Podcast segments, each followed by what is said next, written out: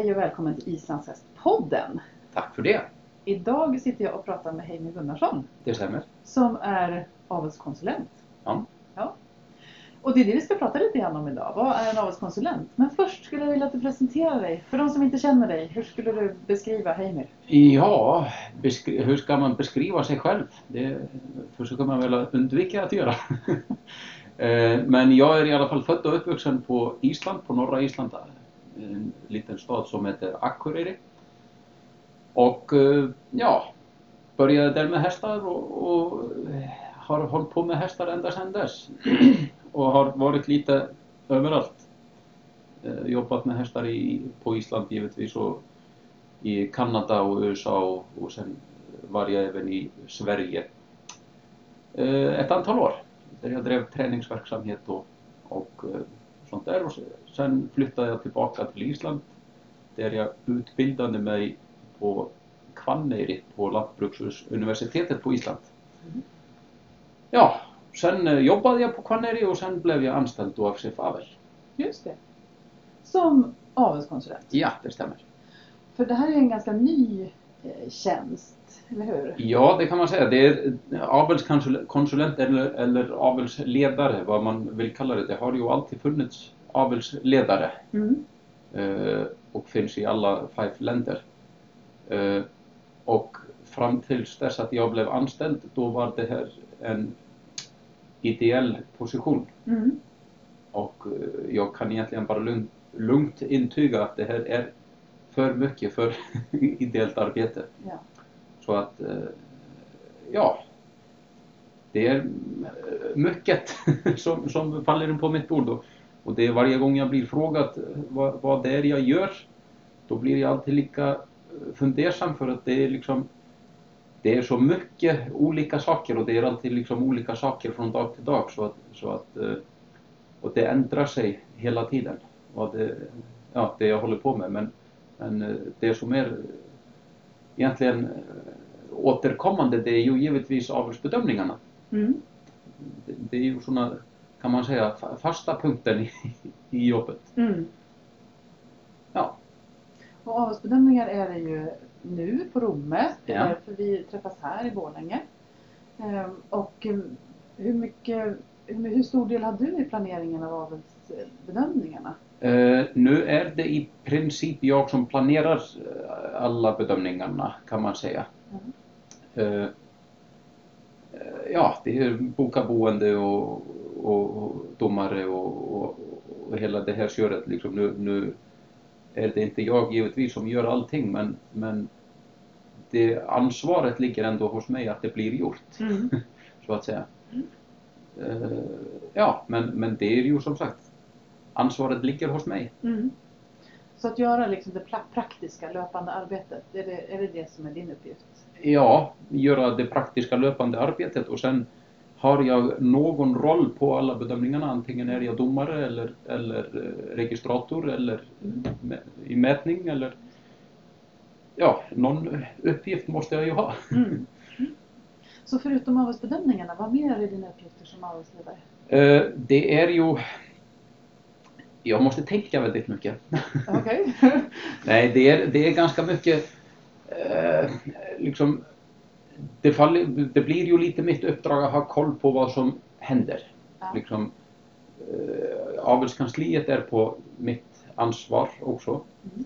Och nu till exempel efter att vi flyttade avelskansliet och fick eh, ny personal, gick med i SH, Svenska Hästavelsförbundet igen.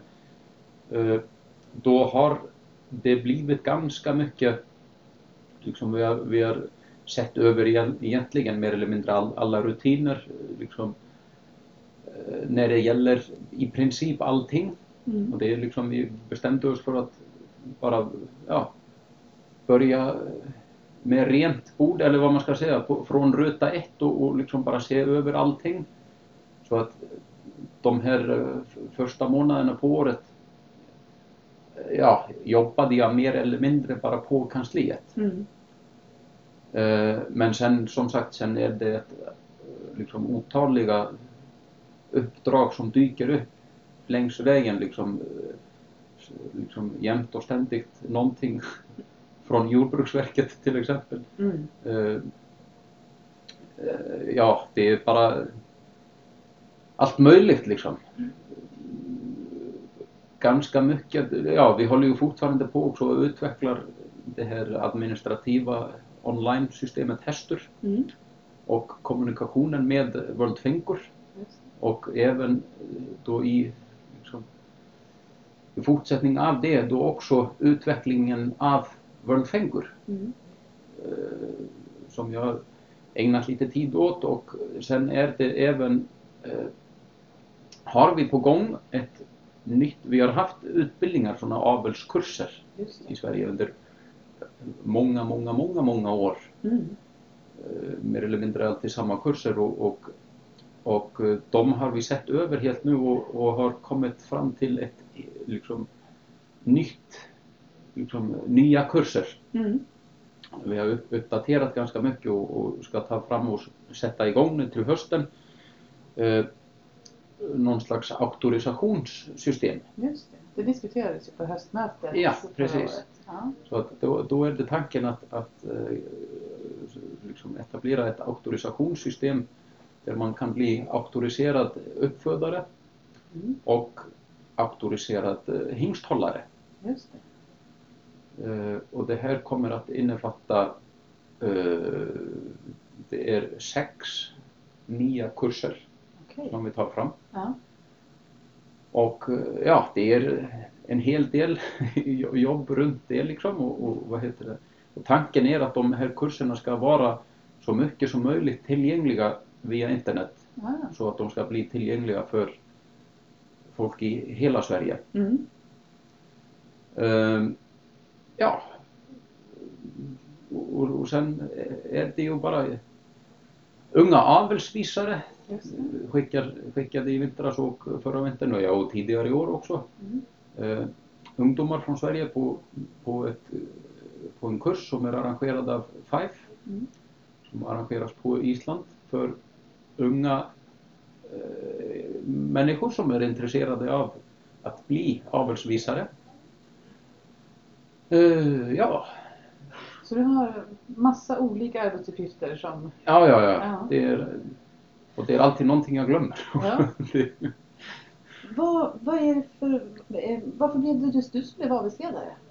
Är eh, det det får du fråga styrelsen. Jag bara, de, de annonserade och jag ansökte. Ja. Det var bara Vad är det i din bakgrund som du har som gör att det funkar bra att vara avelsledare?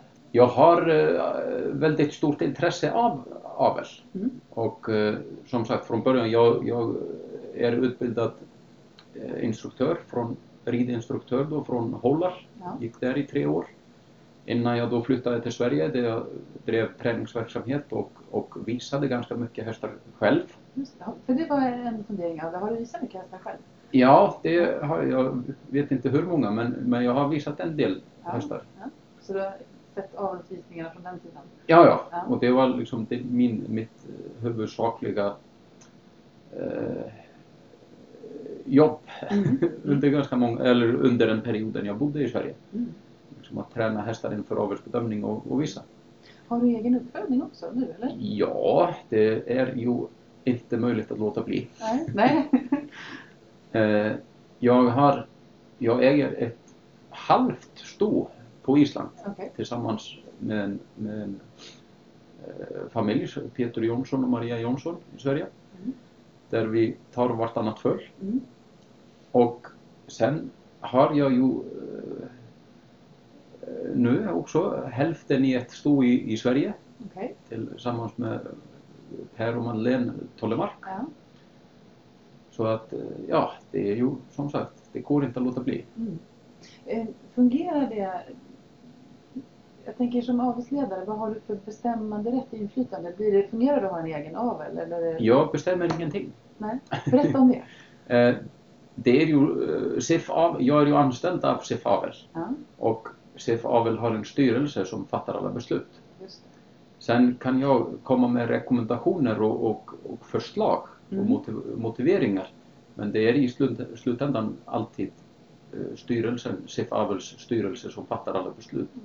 Vilket jag tycker är väldigt bra att, att liksom, eh, ja, det, är, det kan aldrig vara sunt att en person ska ha Mm.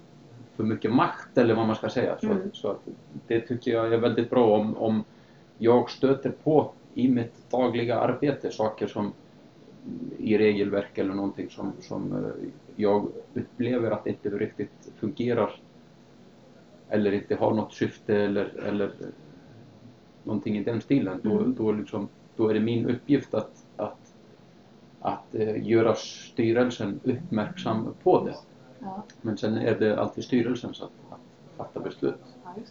Så du blir liksom en liten länk mellan styrelsen och, och avlarna på något sätt? Då? Ja, jag är ju bara, liksom, jag är ju bara tjänsteman liksom. Ja. Det är inte så bara. Nej, jo, ja, ja, ja, ja, det är mycket uppgifter men, men det, är, det är som sagt, Det är de som har beslutsrätten. ja, ja, Ja.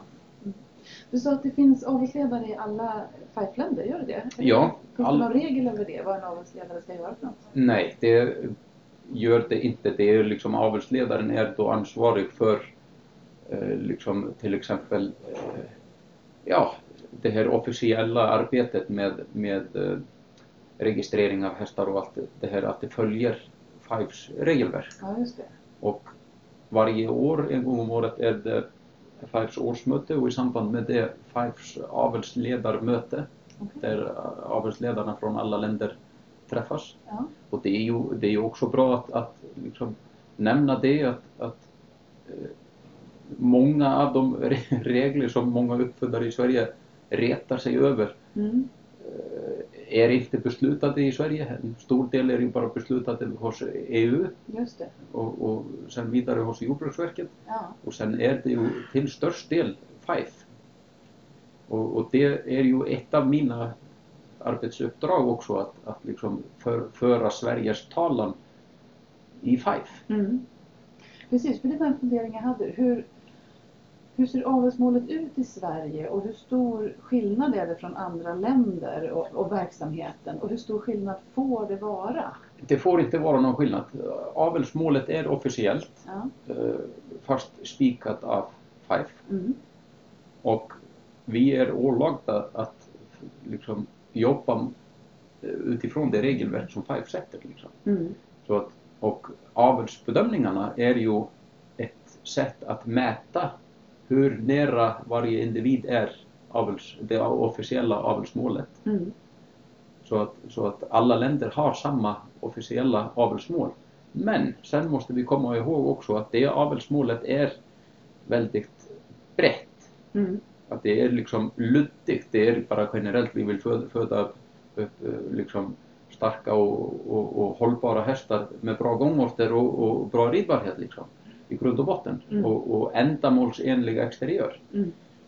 Men eh, och inom den ramen finns det ju inriktningar. Mm. Och, och liksom det är ju varje uppfödare fritt att ha sin egen inriktning. Mm.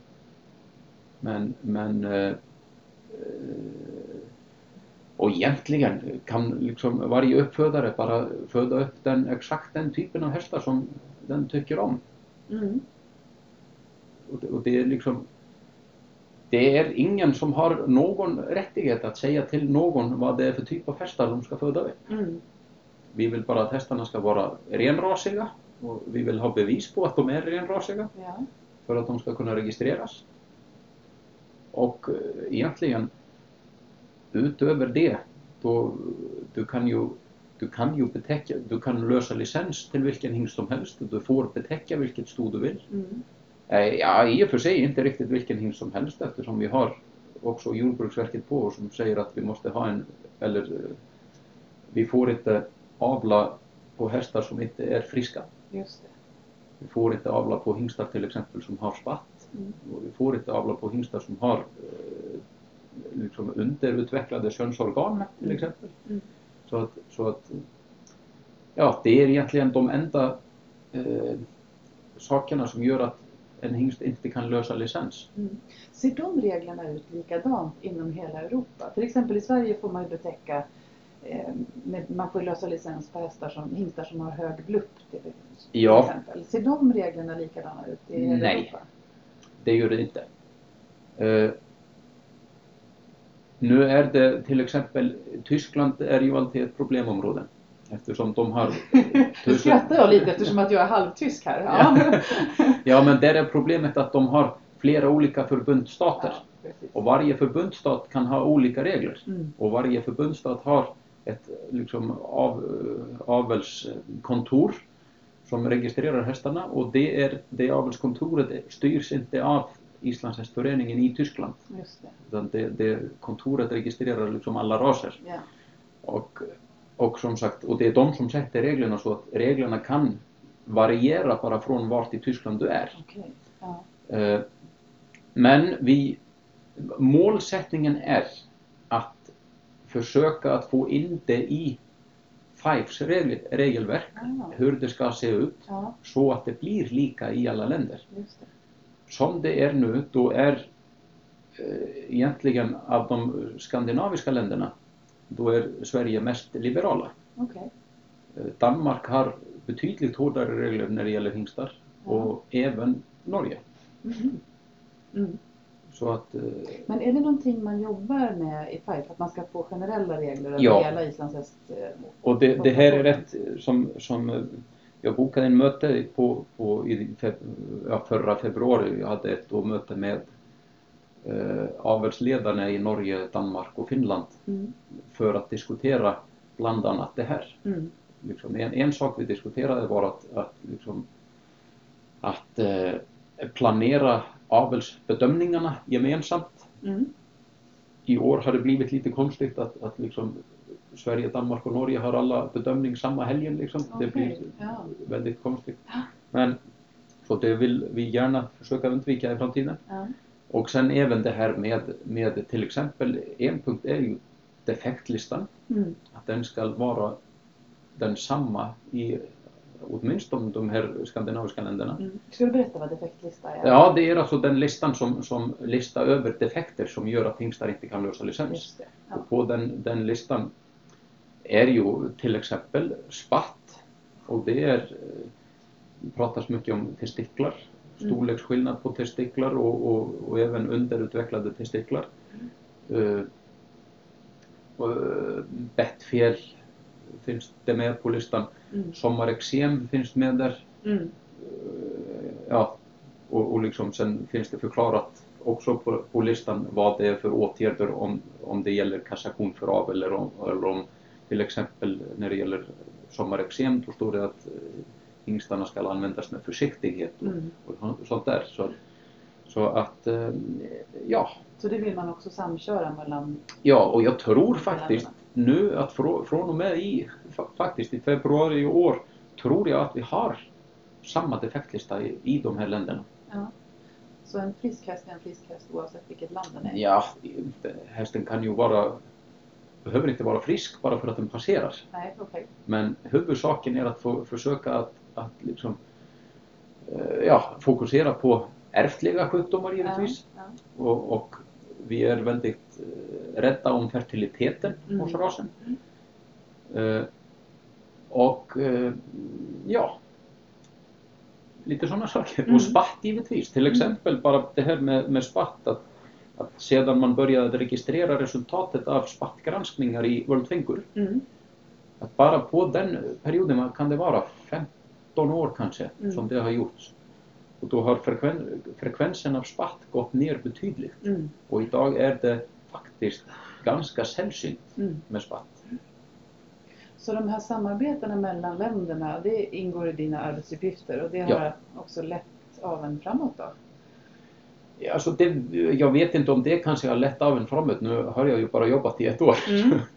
Så att då i, i avelsperspektiv då är ett år ju Väldigt bara som en sekund i. Ja. Men, men eh,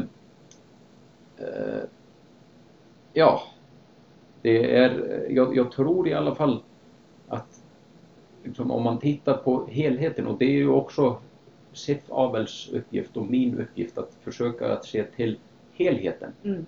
och, och liksom vad som är bäst för rasen. Mm. Och då kan det ju bli i, vissa fall att det som kanske är bäst för rasen i sin helhet behöver inte alltid vara bäst för en enstaka uppfödare exakt nu. Så att eh, det kan vara liksom ibland är det liksom, behöver man tänka en och två och tre och fyra gånger innan, innan, innan liksom jag lämnar något förslag till styrelsen Mm. som de sen får, får diskutera. Om, om man som enskild avlare eller person i Sverige känner att det här, det här tycker jag känns orättvist, varför har man det på det här viset? Hur, hur är beslutsgången då? Vem är det man ska kontakta? Är det är det, det här FIFE-mötet som bestämmer? Ja, det beror, det har, beror lite på vad det är för, för saker som man, är, som man stör sig på. Ja. Eh, som sagt, om det är saker i avelsmålet eller i domarhandledningen eller, eller någonting i den stilen, då är det FIFE. Mm. Eh, om det är saker som har med hingstlicenser att göra eller stoavgifter eller det som flesta retar sig på i Sverige är ju givetvis avgifter. Mm. Det, är ju liksom, det retar man sig alltid på Va- vad man än gör, även när man åker ut och handlar. Liksom. Mm. Men, men eh, eh, då, då är det givetvis CFAVEL. Mm. Och eh, kontaktvägen då är då rimligast via mig. Mm. Liksom om man har idéer om hur det går att göra saker annorlunda, då tar jag tacksamt emot alla Mm. sådana förslag. Så det går att kontakta dig på, Ja, absolut. på kansliet som numera ligger i Skara? Skara, ja. Ja. Eh, ja, eller bara på min mail. Mm. Funkar också. Just. Ehm, jag tänkte, du var inne lite grann på det förut här med de här olika utbildningarna och en sak som jag och många funderar över det är ju det här med att det är en ganska liten grupp människor som visar väldigt mycket hästar. Mm. Det här med vem, vem, om man nu har en häst hemma, man är lite hobbyavlare och man vill ha sin häst visad så är det ju en ganska liten klick med eh, främst killar som, som visar hästar. Eh, hur, hur ser era- ert arbete, arbete ut runt det? Är, det? är det bra att det är så få som visar hästar? Är, att man får mycket erfarenhet när man visar? Eller är det ett problem? Vad är det någonting man behöver göra någonting åt? Alltså det är, det är ett, ett eh, ja, jag vet inte om man ska säga att det är ett problem. Det som jag tycker att blir lite konstigt att vi vet ju att det finns massor med hästar som inte har jättemycket kapacitet. Mm. Så det är bara liksom, och inget konstigt med det. Och att visa en häst som inte har mycket kapacitet kräver inte så jättemycket kapacitet då av ryttaren heller Mm. att, att visa hästen på hästens maxnivå. Har man däremot en häst som har väldigt mycket kapacitet, då krävs det ju mer erfarenhet av ryttaren, Mm. givetvis. Mm. Eh, Så att eh, just när det kommer till, eh, vad ska man säga, liksom medelhästen, Mm. då kan den helt säkert, eh, är jag helt säker på, visas på ett bra sätt av en medelryttare. Mm. Så fler borde våga visa sina egna hästar? Ja, ja, ja. Ja. Och, och det kanske... Eh, ja, det här, det här är ju, jag vet att det är, det är svårt och det är liksom ofta... eh, Man, man vill ju tro att... Mi, jag vill ju tro att min häst har så mycket kapacitet att min egen kapacitet räcker inte till. Mm. Och jag, jag vill ju tro att min häst inte är bättre än så här för att jag inte är bättre än så här. Mm. Och då vill jag ju lämna i, iväg hästen så att den tränas av någon som har mer kapacitet och kunskap än vad jag har. Mm. Eh, då vet jag att i många fall eh, får ägaren rekommendationen från tränaren att, att eh, liksom, den här hästen ka- ska du inte satsa, liksom, satsa på eller det är meningslöst att visa den här hästen eller någonting i den stilen. Mm. Eh, och då är det ju troligtvis att, att liksom, den erfarenheten som den tränaren har inte kommer till någon nytta på just den hästen. Mm. Det innebär ju då oftast bara att liksom, det krävs inte så mycket erfarenhet, erfaren Mm. ryttare för att visa den hästen om man behöver ha den visad. Mm. Och det är ju kanske den viktigaste frågan, tror jag, i det hela är varför man ska visa sin häst. Mm. Vad, vad tänker du om det? Varför ska man visa sin häst? Eh, för mig är det ju bara en självklarhet att om jag har ett sto som jag ska betäcka, då gör jag inte det innan hon är bedömd. Och det är lite för att jag vet att jag som enskild person har inte samma överblick över populationen som en avelsdomare har. Mm. Och det är ju i grund och botten det jag gör genom att ta min häst till bedömning, att jag får en jämförelse med resten av populationen. Hur, hur står sig min häst jämfört med avelsmålet? Mm. Liksom, och då, den informationen som jag får utav bedömningen är att liksom, eh, ja, jag får en jämförelsegrund. Mm. Mm. Eh, med inom alla de olika egenskaperna. För att det är liksom, om jag är hemma eh, du vet, och har bara två hästar och, och, och, och känner på benen på dem till exempel, då kan jag tycka att det här måste vara superbra ben. Mm. Men sen när jag känner på superbra ben och jämför dem med min häst, då inser jag kanske att okej, det finns mycket bättre. Mm. Och det är framförallt det som, som är så viktigt med just avelsdomarna. Mm. Att de, de har koll på hur ser det bästa ut idag Mm. för oss andra hästägare att, att kunna hämta den informationen. Liksom, ja, huvudet på min häst, är det bland det vackraste som finns idag? Mm. Eller finns det ännu vackrare? Mm. Och, och sen, sen i fortsättningen av det också att, att liksom, det, är ju, det är ju två skilda saker att, att liksom föda upp hästar eller, eller att avla. Mm. Och, och om, man har, om man tänker sig att man ska avla, då gör man det med no, någon slags ambition. Mm. Då vill man ha ut någonting Mm. Och då har man plan. Mm. Och eh, sen betäcker jag mitt sto och, sen går det, ja vad ska vi säga, sex år tills avkomman är, börjar att liksom visa sitt rätta ansikte liksom. Och, Mm. och eh, jag bestämmer mig för att ta den också be, till bedömning. Då måste jag ha någonting att jämföra med. Mm. Var det här lyckat eller var det inte lyckat? Mm.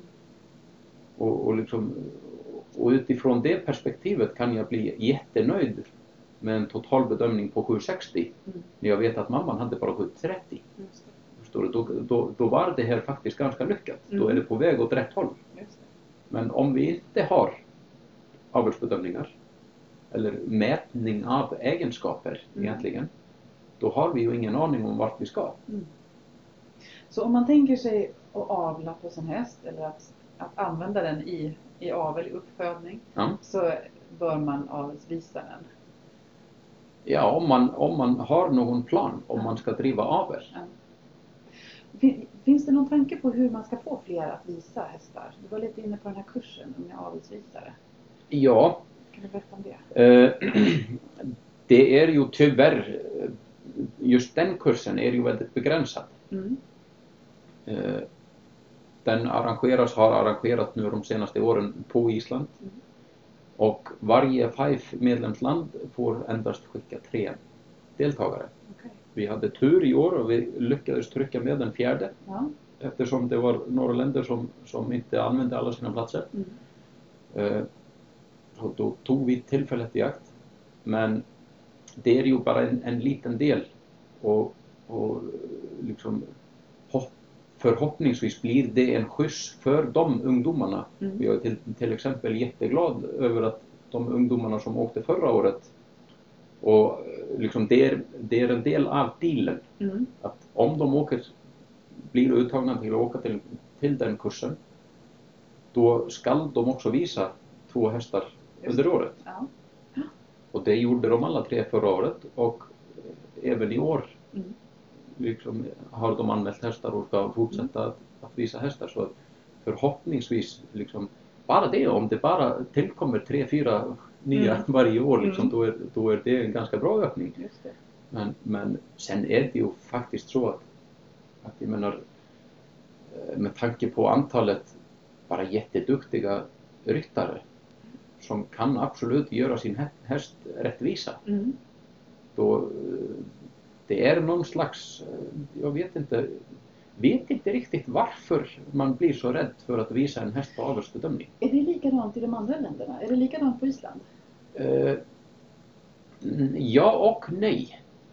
Det är eh, givetvis som på Island, där är det givetvis några ryttare som är eh, får liksom mer uppmärksamhet och Mm. visar mycket, mycket, mycket stort antal av Mm. hästarna. Mm. Men det ökar med varje år på Island antalet ryttare som visar Mm. hästar. Mm. Och man ser till exempel på bedömningarna där nu att, det är jättemånga ryttare på samma bedömning. Mm. Eh, och jag menar med tanke på, jag kommer inte ihåg hur många det var som visade, jag tror att det var någonstans mellan 60 och 70 eh, visare som visade i Sverige förra året. Precis, det är Vilket är, vad man tror. ja, vilket är ju ganska bra med tanke på att det var tre, ungefär 300 hästar Ja. som visades. Mm. Och bara så att vi får det klart, vem som helst får visa sin häst? ja, ja, ja, ja. Och det är inga konstigheter, det är bara liksom att du kommer hit med din häst och frågar vad tycker du om min häst? Och så visar du liksom din häst bara precis som du ju egentligen gör för din ridinstruktör när du åker på kurs. Mm. Du visar honom hur hästen är. Mm. Förutom att där får du instruktioner om vad du kan göra bättre men, men på avelsbedömningen då får du bara liksom utlåtande om så här ser det ut. Mm. Eh, En sak som jag tycker också är slående skillnad mellan en tävling och en avelsvisning det är ju den här eh, tillåtelsen till hjälp och förmågan till hjälp. Man får ju hjälp eh, från domare och man får hjälp av eh, medhjälpare från marken och Ja, man, får, man får ta emot hjälp under, under tiden man är här. Vilket Absolut. ju är roligt tycker jag. Och det är ju som sagt det som domarna är ute efter. Det är att, att liksom veta hur är den här hästen egentligen? Mm. Så att om någon till exempel oerfaren kommer och ställer upp sin häst i exteriörbedömning och man som domare får det på känslan att, att liksom, eh, hästen står konstigt. Mm. Han ser, egentligen, han ser inte så här ut Mm. egentligen. Då bara säger man till. Liksom, gör, gör så. Liksom, låt hästen stå lite mer si eller så. Eller, Mm. och, och ibland till exempel om det är problem då kan en av domarna bara ställa sig upp och, och hjälpa till. Liksom. Så att, ja, Mm. Det finns ju också ett eh, eh, litet kompendium som heter avelsbedömningar i Sverige, eller avelsvisningar. Vad heter Mm. det? Lilla kompendiet som Ja. är i ordning som Ja. är väldigt bra beskriver väldigt fint tycker jag. Eh, vad, alla delarna på en avelsbedömning, hur det går till och ja, eh, man kan hänga med och förstå lite grann. det är egentligen bara sådana sammanfattning av Fives regler om, om bedömningarna. Eh, innehåller domarhandledningen Mm. och eh, sen lite bara liksom arbets, ja, tillvägagångssättet på bedömningarna, hur det går till och, och liksom vad, vad som gäller när det gäller vikt på boots och, och liksom skor och allt det här liksom. För det kan ju också kännas lite, lite skrämmande tror jag när folk kommer till en visning första gången. Det går runt folk med hästar och går in på olika ställen och mäter. Ja, man ja, vet inte ja, riktigt vad som händer. Och där är vi faktiskt, det måste jag faktiskt erkänna, att där är vi lite dåliga, att vi utgår lite ifrån att alla vet vad som gäller. Liksom. Just det. Ja. Och, och, ja, och där, där kan vi absolut eh, förbättra oss. Ja. Så det finns lite arbete kvar för dig att göra som avelsledare. då. Ja, ja, det dyker eh, liksom jämt och ständigt upp nya saker som man skulle vilja kunna göra. Vad är de största utmaningarna med ditt jobb? Uff, de är, eh, de är rätt många faktiskt. Nej, alltså det är som det har varit nu, då är det till exempel med eh, registreringarna att, att liksom vad ska man säga har så, så vi vill ju att databasen ska innehålla så korrekt information som möjligt Mm. och liksom, där behöver man ständigt vara på tårna och, och, och, liksom, och, försöka tänka ut liksom, till exempel har vi regler som inte har någon betydelse? Mm. Eh, finns, det, finns det luckor någonstans? Och, och alla möjliga sådana saker liksom. Och sen, ja, jag skulle till exempel väldigt gärna kunna ha mycket mera kontakt bara in, in real life med uppfödarna. Mm. Vilket är förhoppningsvis någonting som jag kan göra mer längre fram när, när liksom eh, när jag, när liksom administrationen eller vad man ska säga runt hela batteriet liksom har, har blivit lite mer rutinerat eller vad man ska säga. Mm. nu är det ju också, det är ju inte så himla länge sedan SIF och, och SIF Avel eh, delade på sig liksom. Så att eh, det är ju fortfarande och även, även där liksom hur kan vi, kan vi samarbeta på bästa sätt SIF och SIF Avel? Mm. Vad finns det för gemensamma saker och, och ett och annat i den stilen. Marknadsföring av rasen är någonting som jag tycker är oerhört viktigt. Mm. Eh, och jag tycker att liksom, innan egentligen man börjar diskutera marknadsföring för mycket, då behöver vi diskutera ganska mycket också liksom, vad är det för produkt som vi vill marknadsföra och hur vill vi att produkten ska se ut. Mm. Liksom, ja, aveln i Sverige eh, är ju bra. Mm. Vi ska inte säga någonting annat. Det har gått väldigt bra för, för svensk avel internationellt. Eh, men det finns, som i allt annat, det finns både svaga och, och, och starka sidor liksom. Mm. Det är någonting, liksom, givetvis, det mest viktiga i mitt jobb. Att, att försöka att, att liksom hjälpa till så att, så att eh, de här svaga sidorna blir bättre Mm. och, och att de starka sidorna blir ännu bättre. Mm. Att vi får fler duktiga superavlare Mm. eller, eller vad man ska säga och, och att liksom, de här som föder upp hästar på mindre nivå ska eh, liksom, finna sig till ro också liksom, eller att, att de ska också få plats. Mm. Och en del till exempel är det här när det kommer till, till eh, eh, verksamhetshästar. Mm. För att det är någonting, det, det är en sida som poppade upp när hela den här diskussionen om, om eh, priser liksom, på stoavgifter dök upp här för över ett år sedan. Att, att liksom då dyker upp den här idén, liksom de här funderingarna med, med verksamhetshästarna som eh, det är ju inte hållbart för någon verksamhet eller liksom turridning eller, eller ridskola att behöva köpa svindyra hästar. Mm. För att det, det är liksom, då får, får man det inte till att gå runt, Mm. givetvis. Men så att eh, och hela det området har vi inte haft någon bra information om. Mm. Hur, hur, vad är det för hästar som funkar bäst i, i verksamhet och hur re, relaterar de egenskaperna som vi dömer på avelsbedömningar till de egenskaper som bäst kommer till nytta på, på en ridskola till exempel. Mm. Eh, och det, det är en liksom dels, jag har försökt, jag har dragit liksom vi, jag skulle en, en, jag skickade ut formulär till alla av SEF auktoriserade verksamheter Mm. där jag försö- har försökt att samla in lite material, lite information om de hästarna som finns på de här turridningsfirmorna och, Mm. och, och ridskolorna.